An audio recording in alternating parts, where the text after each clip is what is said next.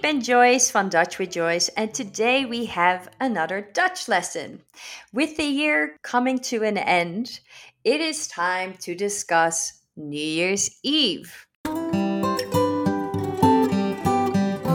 So, New Year's Eve to me sounds really funny because for us, we call it Old Year's Eve since it's the last evening of the old year. So let's start with that word.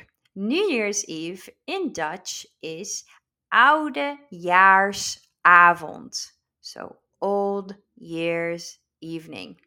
Oudejaarsavond. You can leave the E out and just say Oudjaarsavond. That is just a personal preference. So op Oudjaarsavond you usually get together with family, friends, whomever you like, and you can either go out to a party or you stay at home, watch some typical Dutch TV programs that are all in New Year's Eve theme. Or you watch a comedy show where they basically look back on the whole year and make fun of it which is a fun thing to do with whomever you're with. Of course, in Nederland, we have vuurwerk, fireworks. In contrary to Australia, we are still able to light your own vuurwerk. But we also have vuurwerk shows in Rotterdam, where we have the Erasmusbrug, the bridge, that is basically the Dutch version of the Sydney Harbour Bridge.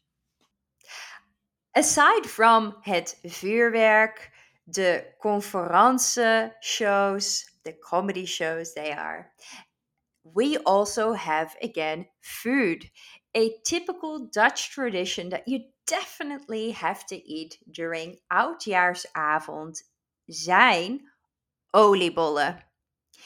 Literally translated as oil balls, these are deep fried dough balls, traditionally eaten during oud en nieuw. So the old and the new, which is a different word to refer to this time of year. Oud en nieuw. Tijdens oud en nieuw eten wij oliebollen. Ik eet een normale oliebol. So I can eat a traditional slash normal oliebol. Of ik eet een oliebol met krenten en rozijnen. So these are your oliebollen that contain raisins or currants. Another snack that we can eat are appelbeignets. Appelbeignets. These are like sliced apple and you also deep fry them and they kind of become a apple donut so a little apple donut that you deep fry heel erg lekker. But you don't eat your oliebollen and your appelbeignets just like is. No no no. You grab a little kitchen towel or a piece of tissue. You put your heated oliebol on there and then put a huge amount of poedersuiker on there. And poedersuiker is powdered sugar, otherwise known as your icing sugar. And it is a big tradition.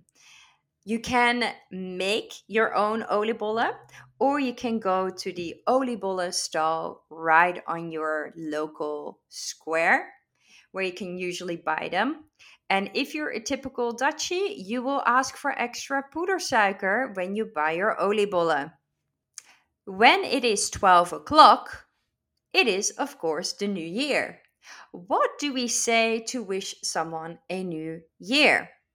We say gelukkig nieuwjaar. Gelukkig nieuwjaar. Happy New Year, but obviously with a lot of luck, success, and wishes in that particular word.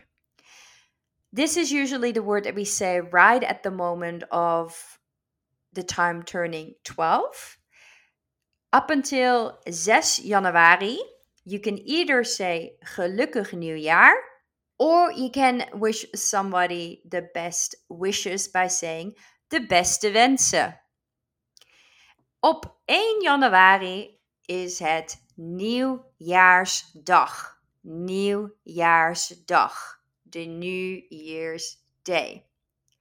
Depending on where you are in the country, each area can have its own tradition, but a main Dutch traditional thing to do is the Nieuwjaarsduik, the New Year's dive. And remember, het is winter en het water is heel koud.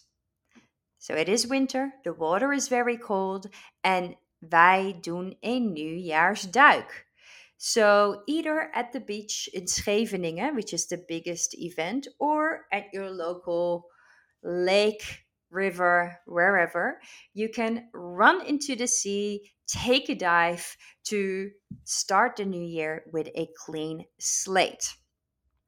But of course, if you are celebrating out and New in Australia, then you're better off since it is zomer. In Australië zijn er ook heel veel events where you can celebrate oud and new and do the nieuwjaarsduik. There is usually a nieuwjaarsduik in Bondi Beach in Sydney, but there might also be nieuwjaarsduiken in your area as well. And how do you recognize Dutchies running into the sea in Australia? Well, usually they are wearing an orange beanie. So recognize the Dutchies by their orange beanie. Take a dive. En voor now, een heel gelukkig nieuwjaar. En tot volgend jaar. Doei!